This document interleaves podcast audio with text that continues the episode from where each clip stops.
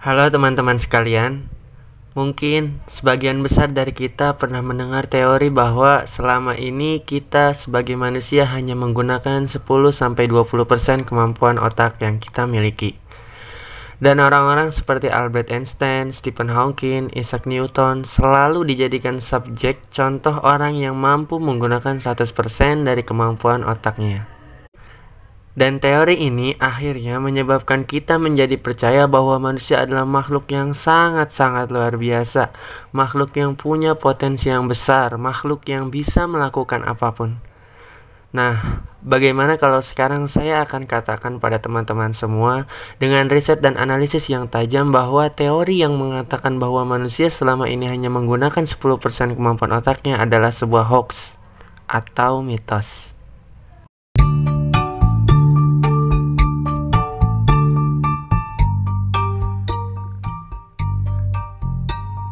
Seperti biasa, jangan lupa download Anchor dan buat podcast pertama kamu dengan mudah yang akan langsung didistribusikan ke Spotify.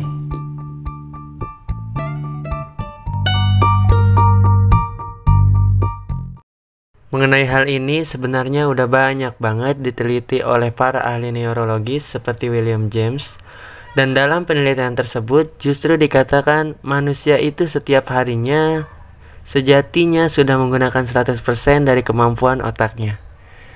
Ini menjadi antitesis dari teori di atas dan saya lebih percaya dan meyakini teori ini. Mari kita bahas satu persatu. Perlu kita ketahui otak kita ini beratnya cuma 3% dari jumlah keseluruhan tubuh kita. Tapi faktanya otak kita menghabiskan 30 sampai 70% seluruh energi tubuh kita dan otak adalah bagian dari tubuh kita yang paling sibuk. Setiap saat bekerja, bahkan saat kita tertidur lelap, otak masih tetap bekerja. Keadaan saat otak tidak bekerja adalah ketika otak rusak atau cacat. Kenapa teori manusia hanya menggunakan 10% kemampuan otaknya bisa muncul? Karena teori itu hidupnya dan bergaungnya di masa motivator teman-teman. Antara tahun 90 sampai 2000-an awal. Saat itu kalau kita pergi ke toko buku pasti banyak buku-buku motivator. Kalau kita mau nonton acara yang rete-retenya tinggi ya nonton acara motivasi. Dan jelas ketika ada teori yang mengatakan manusia hanya menggunakan 10% dari kemampuan otaknya, itu membuat kita berpikir kita bisa melakukan apa pun. Padahal enggak. Karena dasarnya desain kita dibuat sebagai makhluk yang penuh dengan segala keterbatasan. Ada tiga poin dasar yang mau saya sampaikan di podcast ini. Pertama, keterbatasan ini bukanlah sesuatu yang harus kita sesali, atau kita tangisi, atau kita keluhkan. Justru keterbatasan ini adalah sebuah anugerah, sebuah hadiah dari Tuhan Kenapa saya bisa bilang begitu? Karena dengan keterbatasan ini kita bisa mengenal diri kita sendiri. Kita bisa tahu kita bagus dan buruk dalam hal apa sehingga kita tahu mana yang harus kita lakukan dan mana yang gak harus kita lakukan. Makanya salah satu kalimat motivator yang paling saya nggak suka adalah ketika mereka bilang kalau orang lain bisa, kamu juga bisa. No, you're not nggak gitu konsepnya. Kalau orang lain bisa ya berarti itu memang keahlian mereka. Value mereka ada di situ. Kalau mereka bisa dalam hal itu berarti kita bisa dalam hal yang lain. Dan itu pasti. Jadi saat kita mengenal diri kita sendiri, kita akan paham apa sih yang harus kita lakukan supaya hidup kita lebih baik, supaya hati kita lebih tenang, supaya jiwa kita lebih damai. Contohnya saya sangat suka sekali sepak bola teman-teman. Dari kecil bahkan sempat bercita-cita jadi pemain bola profesional. Tapi dari kecil main bola dari SD sampai SMA merasa nggak hebat-hebat banget dalam hal itu.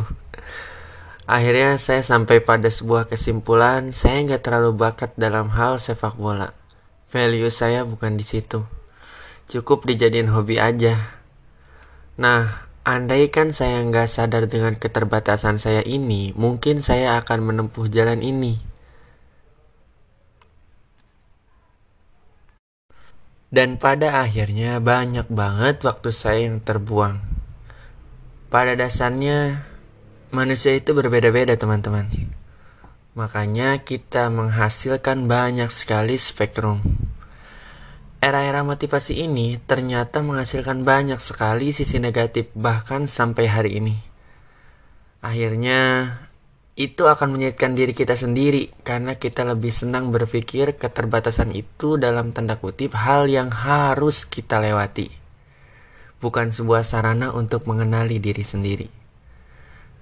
Akhirnya kita sering insecure membandingkan hidup kita dengan orang lain, overthinking, memikirkan berlebihan hal-hal yang gak perlu dipikirin.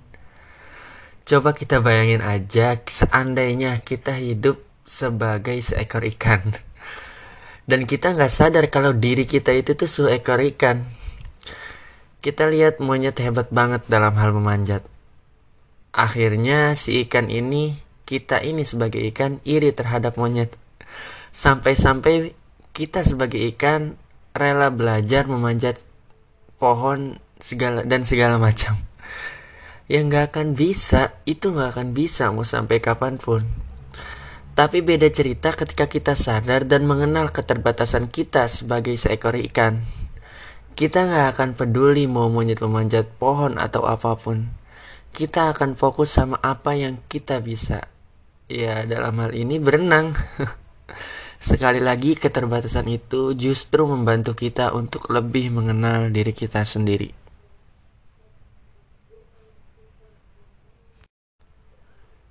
Poin kedua, keterbatasan itu justru yang membuat manusia itu saling terikat satu dengan yang lainnya teman-teman karena kita punya sesuatu yang kita nggak bisa lakuin tapi orang lain bisa melakukannya nah kebutuhan ini dasarnya berawal dari keterbatasan. Oleh karena itu maka keterbatasanlah yang membuat manusia disebut makhluk sosial. Karena kita selalu butuh dengan orang lain karena ada banyak banget hal yang kita nggak bisa lakuin sendiri. Ada banyak hal yang nggak bisa kita handle ada banyak banget hal yang kita nggak bisa kerjakan kita bayangin sekarang seandainya manusia itu bisa melakukan apa pun yang dia mau apa pun yang dia suka akankah masih ada orang yang membutuhkan orang lain jelas enggak tapi karena kita memiliki banyak batas, kita nggak bisa lakuin banyak hal, makanya kita butuh dengan orang lain. Pada akhirnya, sehebat apa pun seseorang, sebanyak apa pun bakat yang dimiliki, akhirnya ya tetap aja akan memiliki kekurangan dan butuh terhadap orang lain. Poin ketiga, karena sadar atas keterbatasan ini, kita jadi percaya dengan sebuah entitas yang bernama Tuhan. Tentu dalam keyakinan saya disebut Allah Subhanahu wa taala. Ini yang paling menarik sebenarnya. Sekarang coba kita pikir-pikir. Kenapa seorang lebih memilih hidup sebagai seorang ateis, orang yang tidak percaya kepada Tuhan? Sebagian besar mungkin karena banyak pertanyaan atau kondisi yang bertentangan dengan apa yang dia pikirkan. Dan apa yang ada dalam ilmu-ilmu agama dan teologi. Kontradiksi ini kan yang banyak ditemui orang hingga akhirnya mereka memilih menjalani kehidupan sebagai seorang ateis. Sampai mereka pada kesimpulan berarti yang salah agamanya, berarti yang salah keimanannya finalnya berarti Tuhan itu nggak ada karena pertanyaan-pertanyaan yang mereka punya tidak mampu terjawab. Hal-hal seperti inilah yang sering terjadi. Bahkan saya sendiri pun ini true story ya. Waktu umur saya masih 15 hingga beberapa 20 tahunan awal, saya pernah dalam sebuah kondisi yang mempertanyakan keberadaan Tuhan itu sendiri Ya karena itu tadi terlalu banyak pertanyaan yang kenapa nggak ada jawabannya gitu. Ini bukan untuk ditiru tentunya. Tapi seiring berjalannya waktu, ini kalau saya ceritain panjang banget. Dengan memperbanyak membaca sambil mengasah keimanan, saya sampai pada sebuah titik di mana saya harus merekonstruksi segala bentuk pertanyaan-pertanyaan saya yang meragukan Tuhan. Jangan-jangan pertanyaan ini nggak bisa dijawab bukan karena nggak ada jawabannya, karena sayanya yang nggak mampu dan menemukan jawabannya. Kenapa saya nggak bisa menjawab? Karena memang saya dibuat, didesain dengan segala keterbatasan saya sebagai manusia. Selama ini saya merasa diri saya pintar. Selama ini saya merasa diri saya hebat. Tapi sebenarnya saya ini cuma satu titik di luasnya semesta. Bukan pertanyaannya yang cacat, tapi sayanya yang gak mampu menjawab. Akhirnya saya lakukan validasi di kitab suci. Di mana di situ ada firman-firman Tuhan setelah dibuka dan dipelajari, ternyata di Al-Quran itu banyak banget hal terkait dengan keterbatasan kita sebagai manusia. Kita sering menemukan bahwa manusia itu tempatnya salah, manusia pasti bahkan akan melakukan dosa, manusia pasti punya kekurangan. Makanya Tuhan memiliki sifat maha pengampun, maha pengasih, dan maha penyayang. Ayat-ayat seperti itu banyak sekali bertaburan di dalam Al-Quran, teman-teman. Hingga kesimpulan saya menyadari kita memang diciptakan sebagai manusia lengkap dengan segala kekurangan-kekurangan yang ada pada diri kita. Lagi pula, seorang sufi pernah berkata, keraguan itu sebuah tangga menuju keyakinan. Tidak ada keyakinan tanpa diawali dengan keraguan. Saya percaya segala hal bisa dijawab secara saintifik, tapi belum tentu manusia bisa mencapai tahap saintifik tersebut. Makanya banyak banget kondisi di mana kita nggak bisa jelaskan semua secara logika. Bukan karena kita nggak bisa jelaskan, tapi kita yang tidak mampu menjawab. Karena kita memiliki keterbatasan. Contohnya, kita bicara fisika. Kenapa di skala tertentu kita masih bisa menggunakan teori fisika klasik? Tapi kenapa di skala yang lain dalam ruang dan waktu yang berbeda, kita harus menggunakan mekanika kuantum? Apakah ada penjelasan dan jawabannya? Ada, tapi belum ada manusia yang mampu menjelaskan itu. Bahkan sampai meninggalnya Albert Einstein pun itu masih menjadi misteri hingga hari ini. Itu dalam hal sains, apalagi dalam teologi, apalagi dalam hal agama, apalagi dalam hal-hal yang berkaitan dengan supranatural. Artinya apa? Itu semua adalah contoh keterbatasan manusia. Dan sekarang contoh lagi aja. Semua pertanyaan kita dan semua keraguan kita bisa terjawab. Kalau saja semua hal bisa kita buktikan, maka semua yang Tuhan sampaikan lewat kitab suci patah dong. Nyatanya enggak. Kita udah ditekankan berkali-kali lewat literatur agama, kita ini terbatas. Jadi nggak usah terlalu dipikirin. Semua ayatnya jelas-jelas kok. Salah satunya dalam surat Al-Maidah ayat 48. Allah udah kasih solusi sebenarnya. Intinya dikatakan kita ini makhluk terbatas dan gak usah terlalu dipikirin. Karena itu bukan kapasitas kita. Yang penting kita saling berbuat baik aja udah cukup selesai. Manusia kan baru tahu sedikit, udah merasa tahu seluruh isi dunia. Ketika ada pertanyaan atau keraguan yang bertolak belakang, yang bertentangan dengan apa yang kita yakini, kita lebih senang menyalahkan pertanyaannya, lebih senang menyalahkan kondisinya. Tapi kita nggak pernah melihat ke diri kita sendiri. Apakah kita punya kapasitas untuk menjawab hal tersebut? Kenapa saya bilang ini? Karena saya sadar kebanyakan listener podcast ini kan anak-anak remaja ya ada yang SMA, ada yang kuliah, ada yang kerja juga. Dan saya merasa apa sih masalah terbesar saya di usia-usia segitu yang seharusnya bisa saya sadari lebih awal. Nah, salah satunya ini tentang ini. Dan saya sering eh, membayangkan kalau saya sadar hal-hal dasar ini lebih awal, mungkin keadaan saya akan lebih baik. Cuman dis oke, okay, saya sama sekali nggak menyesal, itulah proses. Dan justru saya ingin bagikan ini ke teman-teman semua.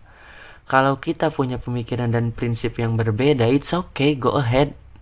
Saya nggak akan memaksa orang lain untuk sependapat dengan saya.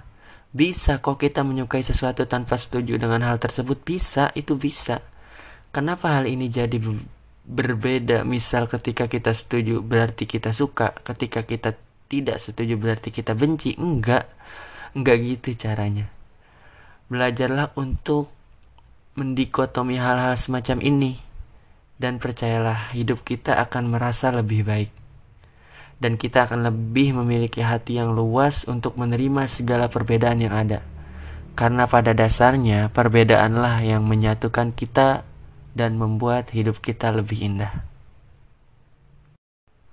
Saya ingatkan kembali bahwa kita semua adalah makhluk yang terbatas dan keterbatasan itu bukan musuh yang harus dilawan. Peluk keterbatasan itu erat-erat sampai dia memberikan arah benar terhadap hidup kita. Terakhir, saya akan tutup podcast ini dengan sebuah kalimat yang saya tulis di buku saya. Bis CMM ya, bahagia itu sederhana cukup menjadi manusia. Saya juga mau disclaimer ya, itu bukan buku bergenre motivasi ya, tapi bergenre self improvement. Buku mengenai pengembangan diri. Soalnya banyak yang masih salah mengartikan. Oke, di situ saya tulis manusia itu akan terlihat sempurna ketika ia menyadari bahwa dirinya tidak sempurna. Sekian untuk episode kali ini, semoga banyak manfaat yang bisa diambil. See you di next episode. Terima kasih sudah mendengarkan.